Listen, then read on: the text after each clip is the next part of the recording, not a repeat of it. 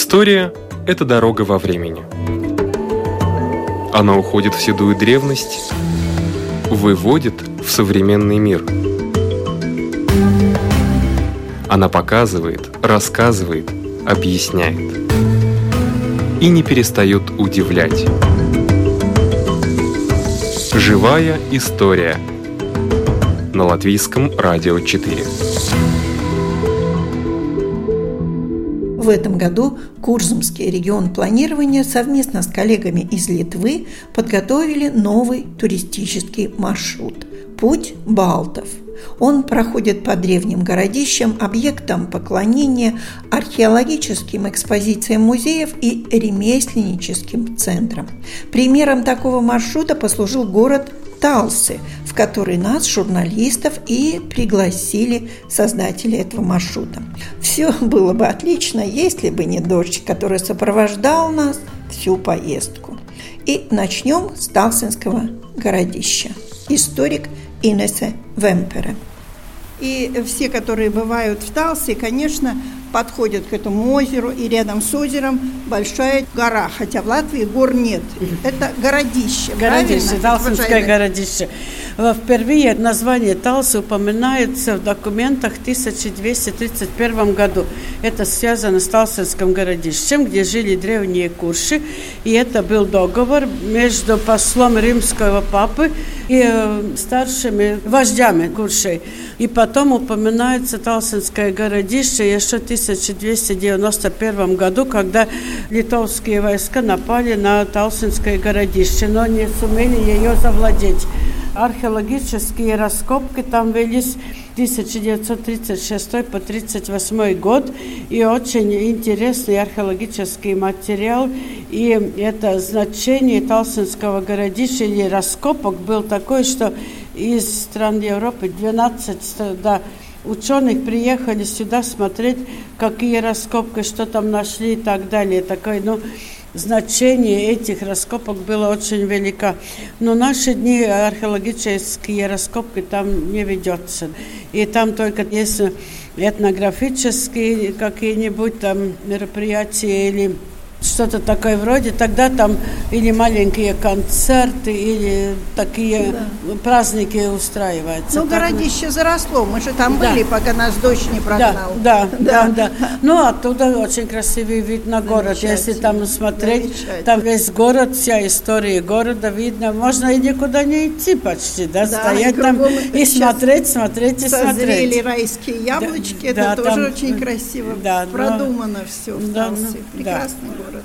Да, красивый. с хорошей историей. Да, да, история хорошая.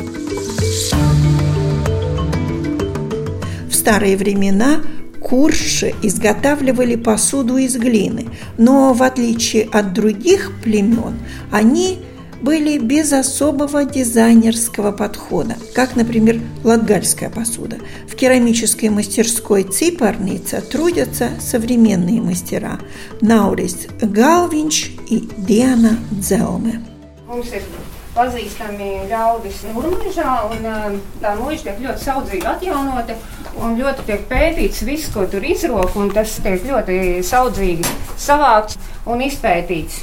Un Tur mēs atradām, kādi šajā pusē bijuši trauki. Zaļie trauki bija tur, kur vēl bez citiem amatniekiem tūmā bija kalēji, varkaļi, tad bija zaļā glazūra, jo no varas skaidiņām veidojās zaļa glazūra. Savukārt, ja tūmā bija metāla kalēji, tad bija sastopama dzeltenā glazūra, dzeltenie trauki, jo dzelzs veidot dzeltenu to glazūru. Ļoti neparasti tādi ornamenti bija atrodami pie šķīvi. Tā to viņus parādīšu, te taisījām tādas uh, mazliet rekonstrukcijas, bet ar mūsdienu piesakiem kodniecībā, ko mēs atradām. Šis gan ir gatavots no melnā māla, bet pēc šīm nulīžu atrastajām lauskām. Un šī forma bija ļoti tipiska. 15., 16., 17. vēl gadsimtā šī bļoda forma. Bet šāds raksts, nu es nekur vairs neesmu redzējis. Izskatās, kā viņš būtu veidots ar parakstiem, bet tie nav paraksti. Kādreiz podnieki neparakstīja savus darbus vispār. Tas ir radies tikai mūsdienās. Arī šis te ļoti dinamiskais rakstīns, arī to es nekur citur neesmu redzējis. Kurzemnieki vispār ir ievērojami diezgan ar to, ka viņu rotājumi ir lielīgi. Viņi ir pa visu trauku virsmu. Ļoti daudz ir šie augu motīvi. Ir tādi kurzemnieki ir arī viena no retajiem, kur izmanto sirsniņas motīvu. Nekur citur tas neesmu vairāk redzējis. Īpaši grūti pateikt, varbūt tāpēc, ka kurzemnieki ļoti introverti. Viņiem grūti dalīties savā jūtās, tad viņi varbūt uzdāvina savai sievai krūzi ar sirsniņu, un lai viņi pati saprot, ko par viņu domā. Šīs eh, saucās arī sievu krūze. Tādas apaļas nelielas krūzītes saucās sievu krūzes. Ko tādās lai? Uh, grūti. Vai, jā, es domāju, ka lai pienu, bet uh, kā mēs ar baidu spriedām, kad uh, iespējams, ka viņas ir uh, kalpojušas kā higiēnas priekšmets, tās nelielās krūzes. Jo piena krūze, nu, sēmē jau vajadzēja lielu krūzi. Es pieļauju, ka tam bija cits pielietojums. Nu, lūk, nu jā, piemēram, tas, kā tiek uzskatīts, kādi trauki ir bijuši vai nebijuši, to ir diezgan grūti pateikt, jo arī nu, tā ļoti novienkāršot, grūti pateikt. Tāpēc, ka arī tais laikos, tieši tāpat kā šais laikos, podnieki bija dažādiem raksturiem, ar dažādu attieksmi pret savu darāmo, ar dažādām vajadzībām.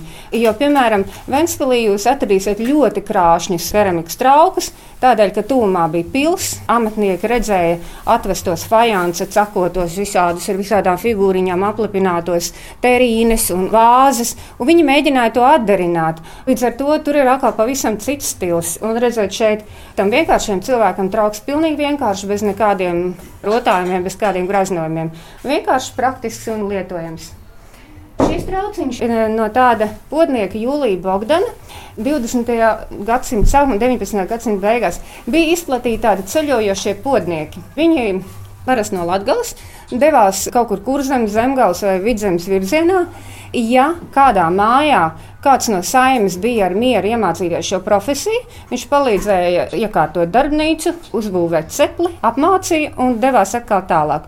Un tādējādi šis Jūlijas Bogdans nonāca līdz Dundagai, kur viņš arī pavadīja savus dzīves pēdējos gadus. Viņš pats, piemēram, gatavoja glazūras no saberstām pudelēm stikla. Tāpēc arī varat patausīt, kāds viņš ir augsts. Un redzēt, arī tas pats slavenais kāļķa krikums te tomēr nāk ārā. Šis te interesantais trauciņš arī ir tepat no tāls podniecības. Redziet, ir tāds nedaudz ieplīsis, bet tas nekas. Viņš vienalga ir lietojams, viņš nav ārā izmests, viņu kāds ir lietojis. Neglazēts ļoti vienkārši. Tāpēc, um, Jā, tas ir runājot par etnogrāfiju. Ļoti grūti novilkt robežas. Kas skaitās etnogrāfija? Nu, ka, piemēram, brauc uz Brīvdabas muzeju, ir prasība vest etnogrāfiskus izstrādājumus. Bet kurš gadsimts? Kur skaitās tā etnogrāfija, kurā brīdī? Jo citreiz tu kaut ko aizvedi, un, piemēram, šitā viņš uzrunāja, tas nav etnogrāfisks. Kāpēc nav?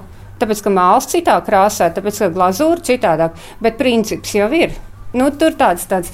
Es domāju, ka tā tas ir bijis vienmēr. Tāpat kā nejaunu sievieti staigājuši visi vienādi strīpotos brunčos telsos, un uh, nekad nav viss bijis vienādi, bet ir bijušas kopējas tādas iezīmes un ietekmes. Nu, tā kā, piemēram, Latgalē viņu slavenie šie te trauki, kuri neglābj, jo viņiem visiem veidojās līdzīgi, tādēļ, ka viņi viens no otra ietekmējas. Tas ir viens, otrs viņiem ir šie resursi.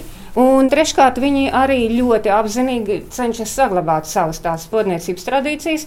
Ļoti labi, ka brāļi latgalieši tā dara. Būtu muļķīgi, ja viņi sāktu veidot pilnīgi Pinterest un pazaudēt to, jo savukārt neviens cits pasaulē netaisa kā latgalieši. Nu, tādas manas domas ir par šo. Tā, tas bija īsais kurs podniecības vēsturē.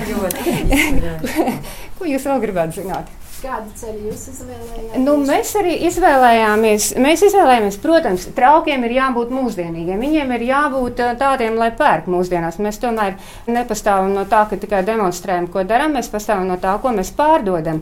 Bet pašā sākumā mēs savstarpēji mazliet tā kā vienojāmies, ka to latvisko un to tās zināšanas, kas mums ir, mēs tomēr cenšamies ievīt arī tajā mūsdienu dizainā, lai viņš tomēr nepazaudējās. Nu, lai viņš tomēr, tomēr ir tā atliektā maliņa reizēm, lai tur ir tie raksti, piemēram, šis ir nu, pavisam nesen. Tur jūs arī varēsiet redzēt, ko mēs taisam. Nu, tā kā mums ar to mālu ir pilnīga bezjēdzība mūsu eksistencei. Mēs, protams, braucam mālam pakaļ ļoti neloģiski. Mēs strādājam ar melno un balto mālu. Melnais nāk no raunas, raunas cepļa. Tas ir Latvijas sarkanais māls, kam pieaugts mangāns. Un uh, balto mālu mēs pērkam ādažos, un tas ir vienkārši māls tīradnis. Māls tīradnis ir balts. krāsa viņam veidojas no tā, kādi vēl ir piemaisījumi zemē, nu, konkrētajā reģionā. Tā tad ir zili, zaļi, rozā, koši, sarkani, melni, dzelteni, visādi krāsa māla. Un katram mālam ir citas īpašības. Un, uh, ar katru mālu ir uh, jāsadraudzējās, lai ar viņu strādātu. Un tas ir jā, tas tai profesijā ir tas jaukais. Par podnieku var kļūt tikai tas, kas nevar par viņu nekļūt, jo tam ir nu, jābūt ļoti pašam, pirmkārt, pacietīgam, mierīgam, lēnprātīgam. Neko nevar uztaisīt dusmīgs, neko nevar uztaisīt bēdīgs, neko nevar uztaisīt sareibis. Vienīgi māls var mīcīt, ja ir ļoti dusmīgs, tad pāriet. Nu, tā tas ir. Arī, kad eh, nu, mēs runājām ar Baibu Dumpi, viņa arī tautas dziesmas ļoti daudz pēta. Viņa bija meklējusi, ko par šo profesiju latvieši teikuši. Nu, neko viņa daudz nebija atradusi, kā vien to, ka Latvijas novēlu vācietim kungam Ellē māls mīcīt. Uh, nu, darbs tas bija ļoti smags. Paldies Dievam, mūsdienās nav ar kājām jāmīt māli. Mēs, protams, izmantojam mazliet kaut kādas tehnoloģijas, ir vieglāk. Bet, uh, piemēram, ja nebūtu atnācis Nauris mācīties uz mākslas skolā pie manis, un, nu, tad es vienu pat nemūžam tādu darbnīcu netaisītu. Tas tomēr ir daudz un smagas, smagas lietas. Ir. Veidot tas ir pats vieglākais. Katra trauka ceļš līdz gatavībai ir stipri garš. Uzvirpot trauku tas ir pats īsākais. Tad redziet, viņu liek šeit žāvēties. Tad, kad tas trauks ir mazliet apžūlis, tāds, kas vēl nav ciets, bet uh, nav arī vairs mīksts, tad viņi apstrādā uz virpas. Tad veido osiņu, tad pieliek osiņu, tad liek apžāvēties. Tad es piestrādāšu pie tām osiņām, lai viņas būtu tīras, nu, glītas. Pēc tam viņi lej ar angobu iekšpusī. Angoba ir tā krāsa, keramikas, kas patiesībā arī ir šķidrs māls, ko leju šādā kondīcijā esoši. Tad viņi atkal žāvē, tad viņi rotā, tad viņi pavisam žāvē, tad viņi dedzina pirmo reizi. Un to pirmā apdedzinājumu sauc par biskvītu. Un, uh, tad viņi glazē, tā kā rekrutē jau notiek glazēšanas pasākums, un tad liek ceplī dedzina otrreiz. Un tā kā katra trauka ceļš pats īsākais, ja viss baigi labi veicās, nu ir divas nedēļas līdz trim nedēļām, jo katra apdedzināšana vien prasa diennakti, kā minimums vai divas atkarībā kā ko dara. Tāpēc arī visi, kas pasūta trauks, viņiem jābruņojas ar pacietību, uz burbuļu mājiņu, tad nekas nenotiek. Nu, tas ir kā ar mm, dārzkopību vai lopkopību. Tu nekur nevari vandīties riņķī. Ja tu esi iesācis kaut ko darīt, tad tas darbs ir jāpadara. Tu nevari atstāt visu pusratā, jo, ja tu neizdarīsi tajā brīdī, kad jāizdara, viņš būs sakalts un varēs jaukt visu ārā un taisīt pa jaunu. Nu, par laimi var jaukt ārā un taisīt pa jaunu līdz bezgalībai, kamēr nav apdedzināts. Nu, tā tas īsumā. Reku, tur ir ceplis. Tur varat apskatīties, ir elektriskais ceplis. Mēs um, kurinām uh, to pārsvarā. Bet mēs ļoti labi sadraudzējamies ar citiem Latvijas keramiķiem, un mēs braucam pie viņiem ciemos. Mēs gan mācāmies, gan paši kādreiz kaut ko kādam varam pamācīt. Un pēdējais interesantākais notikums, kas mums bija, Duntē mēs bijām uz tādu anagāmas cepļu kurināšanu, kas savā būtībā ir līdzvērtīgs ceļojumam uz Aglonu vai kādam citam svētceļojumam, jo racionālā pamatojumi nav pilnīgi nekādi. Tas ir ļoti dārgs ceplis, ko kurina 40 stundas, no kurām 9 stundas tikai uztur 1300 grādu temperatūru, jo tajā milzīgajā temperatūrā māls pats sāk kust. Šī, piemēram, nav glazūra, tas ir jau izkusis māls, un viņš veido ļoti neparastu blāzmojumu, ļoti, ļoti skaisti trauki. Varbūt arī diezgan liels atvirums, tur var sanākt, var nesenākt, bet nu, jo vairāk dara, jo labāk sanāk. Un tas ir kaut kas tāds, ko vislabāk novērtē paši keramiķi un japāņi vēl. Un tā ir japāņu tehnika. Parastajam cilvēkam visticamāk nav nekāda, o, kas tur tāds, un vēl šitāds grumbuļains. Nu, nu, tas tā. Bet uh, ir ļoti jauka tā reize, ka mēs tiekamies, jo tad mēs savukārt varam dalīties savstarpēji, kā kuram iet. Nu, visiem ir daudz maz līdzīgi. Un iedrošināt viens otru, tas tomēr tā pleca sajūta bišķi vajadzīga. Tā nav, ka tu tur vari viens pats vērties. Bet šī profesija nepaliek nepopulāra, viņa nepaliek mazumā, arvien vairāk ar to nodarbojās. Gan pašmācības ceļā, gan pie meistariem, gan keramika kā tāda attīstās tā kā mēs nekur neizzūdam. Называется это «Ады самотнеку дарбница» и «Радоша дарбница», да, где мы тоже в Талсе гостим. Вы Национальные костюмы Куршев тоже делаете? И как вас зовут? Меня зовут Уна, Уна Розентала. Да. Я делаю этнографическую юбку и плацу лакаты, виллайны. И даже не надо переводить. Да, виллайны. Я сама тку и сама шью эту юбку. И тоже самое делаю все с виллайной. Ну, Уна, вы расскажите, как долго надо делать? Потому что некоторые говорят, ой, этот национальный костюм, он такой дорогой, а ведь в принципе он просит... Я уже знаю, что национальная юбка это недорого. Я знаю, сколько времени это от меня просит и сколько там я работу вкладываю. Угу, и, да. и, и я сколько думаю, шерсти, да? Да, и шерсти, я думаю, что это 125 или 130 евро за юбку. Это вообще недорого, потому что юбка это 3 метра ткани. ткани. И 3 метра за 100 евро это недорого. И это шерсть? И это чистая шерсть. И, э, Окраска? Мы, мы используем шерсть из э, Дундаги, там шерстяная фабрика. И там мы покупаем всю шерсть, и из этого и делаем эту юбку. Да. Мне нравится это дундакская шерсть, потому что там очень-очень много оттенок. Да, она уже крашеная, да? Да, она крашеная, и там много цветов. И... А сами не пробовали? Сейчас же очень модно Э, красить Да, шерсть. очень модно, но там надо очень большая работа, э, там надо знание. А у меня нет Такого знания. такого да. знания. И если хочу красную шерсть, надо еще идти и найти эту травку, которая дает Да. этот красный цвет. Ну, Это не обязательно, что если ты подержишь в свекле шерсть, что она станет красной. Нет. Там очень много да, да, всего надо. Да, это совсем отдельный, другой большой мир. Это Я знаю, 5 октября микологи будут учить, Мгм, как да. красить грибами да, шерсть. да, Тоже да, очень да. важно. Я, я наверное, пойду, интересно. посмотрю, Да? послушаю, да, но Ну, это дел- посмотрите, да, в конце да, концов. Да. Этот вообще не грибной год, даже грибов сложно найти. Я еще хотела спросить, вы как себя чувствуете, и вы по роду, вы из Курсамницы? Да, И чистая. значит, вы свой костюм, когда делали, вы исходили из цветов народного костюма. Какие цвета народного костюма? Курсамницы. О, какие нет цвета. Все яркие, все, Все, все яркие, все цвета в курземской э, юбке, потому что они очень-очень много вариантов. Очень много вариантов, и все разные, и каждый может найти для себя. Кому-то нравится более серые оттенки, есть серая юбка. Кому-то нравится красная, есть красная. Есть Кому- красная, да, что да. удивительно. Мне кажется, красный Ком- цвет ну, Нет, у не нас так часто. много, очень много красного. Очень. Да. Э, Здесь в земле Курзаме очень много Ну да, красного, Курзами ведь да. тоже отличается. Да, и там Либиеш, и там тоже все яркое. Ну там Что синий цвет, по-моему, больше. Синий, но и красный много тоже.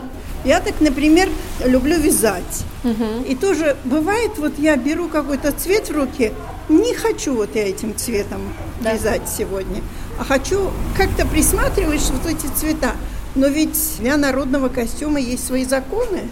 Ну, у нас есть разнообразие большое, и книги, и примеры, где ты смотришь и делаешь это. Так что у нас так много, сотни вариантов. Так что ткать, ткать. Ну а ваш любимый цвет? Или это зависит от погоды, от а- настроения? а- а, ну, теперь мне, влюбленности. э, э, теперь мне как-то нравится синий цвет. Ну, такой... синий это уже больше мудрость да, переходит. Да, да, ну, мне нравится, как цвета между собой играют. Это люблю больше всего. Ну, как, как один цвет с другом, и как э, они Какая снова, да, как, да, да, как они играют да, иначе, мгм, да. как один другого как-то Да, выделяет да, или мгм. подавляет, Я- но это тоже нормально. Да. Это мне нравится больше, чем один цвет Но конкретный. вы учились к творчеству Это здесь э, там э, в народном студия, э, и там я тоже работаю. Учились, как? Да, Ой, дождик идет уже, даже ручьи бегут уже. Да. Потому что Талсинские улицы, они такие кривые, что всегда сток Э, У нас ручьев. э- эти гора, и тогда Горы, вода... Вся идет в озеро. Да. в озеро. Здесь живется вообще в Талсе? Спокойно? Мгм, да. И это мне нравится, что здесь и город, и спокойно. И- Динамики и- нет такой сильной. Да, и я живу в том районе, где вы были, там музей, и там так много деревьев, там все зеленое. Я иногда чувствую, как почти в лесу. Мне нравится. Там, там а, птички весной так кричит. Громко. Э, Да, Соловьи поют. да. Там все, я думаю. И совы есть в этих Да, старых да, листах да. есть мгм, совы. мгм, Да, А есть. летучие мыши? Есть. Богатые вы. Да, да. Все. Удачи вам. Paldies. Не каждый краевой музей Латвии может похвастаться новой экспозицией археологической, но музей города Талсы может. Об этой экспозиции, как она собиралась, ведь не за один день экспозиции открываются историки Инесса Вемпере. У нас в этом году открылась новая экспозиция «Путешествие в прошлом», и мы используем эту экспозицию, те материалы, которые собирались в течение ну, почти 80 лет с начала основания нашего музея. Это, конечно, не материалы из раскопок, но люди где-то что-то нашли. В основном это такая случайные находки, но есть два объекта, нет, даже три объекта в нашем районе, которые исследовались так под наблюдением археологов. Это озеро Вилкмуйжес, это 30-е годы когда там на озеро, ну, не вытащили, поднимали да много предметов из металла, из бронзы и так далее. Но, а, потому что древние курши, которые жили в Талсинском городище, у них очень своеобразные обычаи похоронений, да. Мертвых сжигали в костре, В костре, да. да, вместе с орудием труда, украшением. Если он воин, тогда вот это и сабли, и все остальное, да. И потом вот это остатки пепла они бросали в озеро. И озеро как кладбище, которое сохраняет вот эти предметы в течение 800 лет. Конечно, есть и черные археологи, которые там пытаются что-то найти и так далее, но в основном это озеро исследовано. И основа нашего музея – это экспедиция 1953 года, когда на озеро вытащили где-то 700 предметов из бронзы, из металла.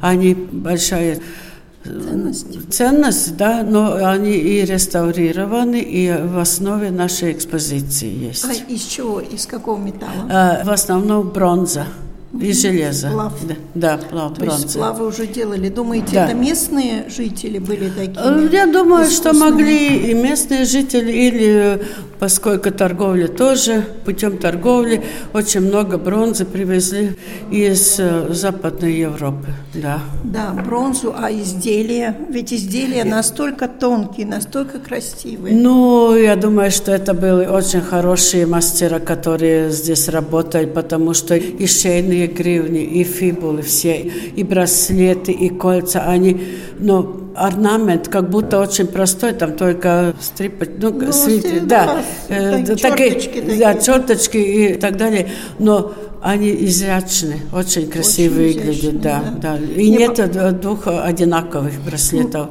Мне понравились браслеты, которые состоят из ряда браслетов. А, это уже не относится к куршам, это балтийские финны, как называются? Финно-угры. типа- да, да, финно-угры.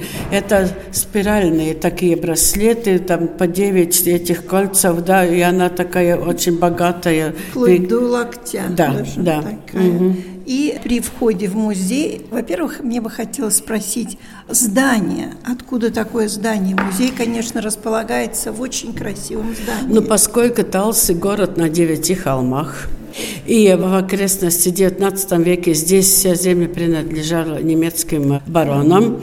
То один из богатых баронов, это барон фон Фиркс, здесь в местечке Талсин построил свой городской дом. И это городской дом, где жила его мама и сестра.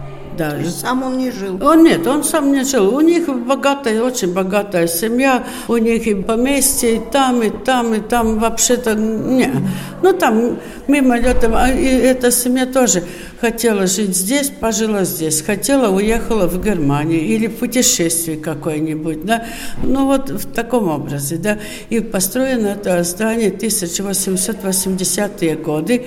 И рядышком вот это здание есть дендрологический парк. Очень красивый, очень интересный. И я уже могу сказать, что вот когда строился этот городской дом, барон выгнал одного крестьянина из своей земли, и это был крестьянин Тигулис. И поэтому его можно сказать, внук или правнук, да, каждое лето в начале июня здесь как будто делает концерты в памяти своим предкам, вот так можно своим сказать, предкам, да, да, да, вот очень интересный концерт, очень интересный. До сих пор? Да, да. До сих пор. Да, уже шесть лет подряд, каждая первая суббота июня он здесь рядышком есть э, такой возвышенность, да. даже эстрады нету. Там э, дубы растет так кругом, да, да и там да, из Риги приезжает хор камеры, там, ну, Поминает такие... своего да, предка. Да, да, очень интересное такое. Знаю, что музейные работники рассказывают, что очень важно расставить акценты. Вот я скажу, что заходя в ваш музей, первым акцентом для меня была эта коллекция пряслиц, yeah. которая прямо слева за витриной. И справа прекрасная посуда. Я даже нашла чайничек, который, по-моему, был очень похож у нас когда-то. Но это Кузнецовский да, был. это а Кузнецовский, это... да. И это у вас Куз... тоже эти Кузнецовские? Да, у нас довольно много предметов. Э, вообще-то у нас, э, я считаю, так самые ценные коллекции – это этнография и предметы посуды. Есть сервизы даже кузнецовские, мы собираем, да. Но это был материал, если человек хоть немножечко имел денежки, да, он мог купить хорошую посуду, там накрывать на стол. Но всегда люди хотели что-то изящное, красивое и так далее. Ну и наша коллекция. А пряслица? У вас много рукодельниц? Э, вообще-то было очень много. Ну как, у нас э, живет э, крестьяне, да, парень делает и дарит свое вот это изделие своей девушке, да. У нас в коллекции где-то 100 предметов пряслиц, да. Нет ни одной одинаковой. те, которые здесь выставлены, это да. малая толика? малая, малая часть только, да. И еще два года назад в одной усадьбе я нашла пять пряслиц. Ну, такие интересные. Ой, очень даже. Прекрасно. И еще один акцент, который, конечно, бросается в глаза, это люстра. Деревянная, да. но она настолько органично здесь вписывается. Ну, в... поскольку, да, поскольку здесь была школа, и в этой школе учился художник Карлс Дрейманис. Он в 30-е годы нарисовал, как может вот эта люстра выглядеть в Талсинском Дом культуры, так Дом нет, культуры, да. да. И дом прошло почти 60 лет, и по этим эскизам вот наши музейные мы Раз, не, не мы сами, но в Риге нам сделали вот это люстры. А дом, как вы видите, там и дверь, и окна все под дерево сделаны, да, да и в одиноком стиле так выглядит. В одинаковом, да, да очень хорошо выглядит, прекрасно. Да. Она mm-hmm. просто здесь Органично, вписалась, как да. будто она mm-hmm. здесь рождена. Да. Еще хотелось бы, так как я прошлась по музею и отметила те вещи, которые мне запомнились.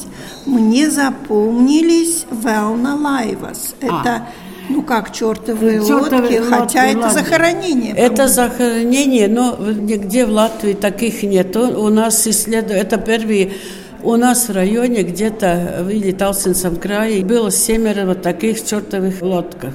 И исследована, первая лодка исследовалась где-то в 1863 году, и потом во время Первой Республики. Да, наши дни только одна реставрирована. Она относится первое тысячелетие до нашей эры где-то, да, и скандинавского происхождения. Вот так, скандинавы. Ну, На... это захоронение. А это захоронение, да. Мертвые тоже сжигали. Ну, это кремации, да.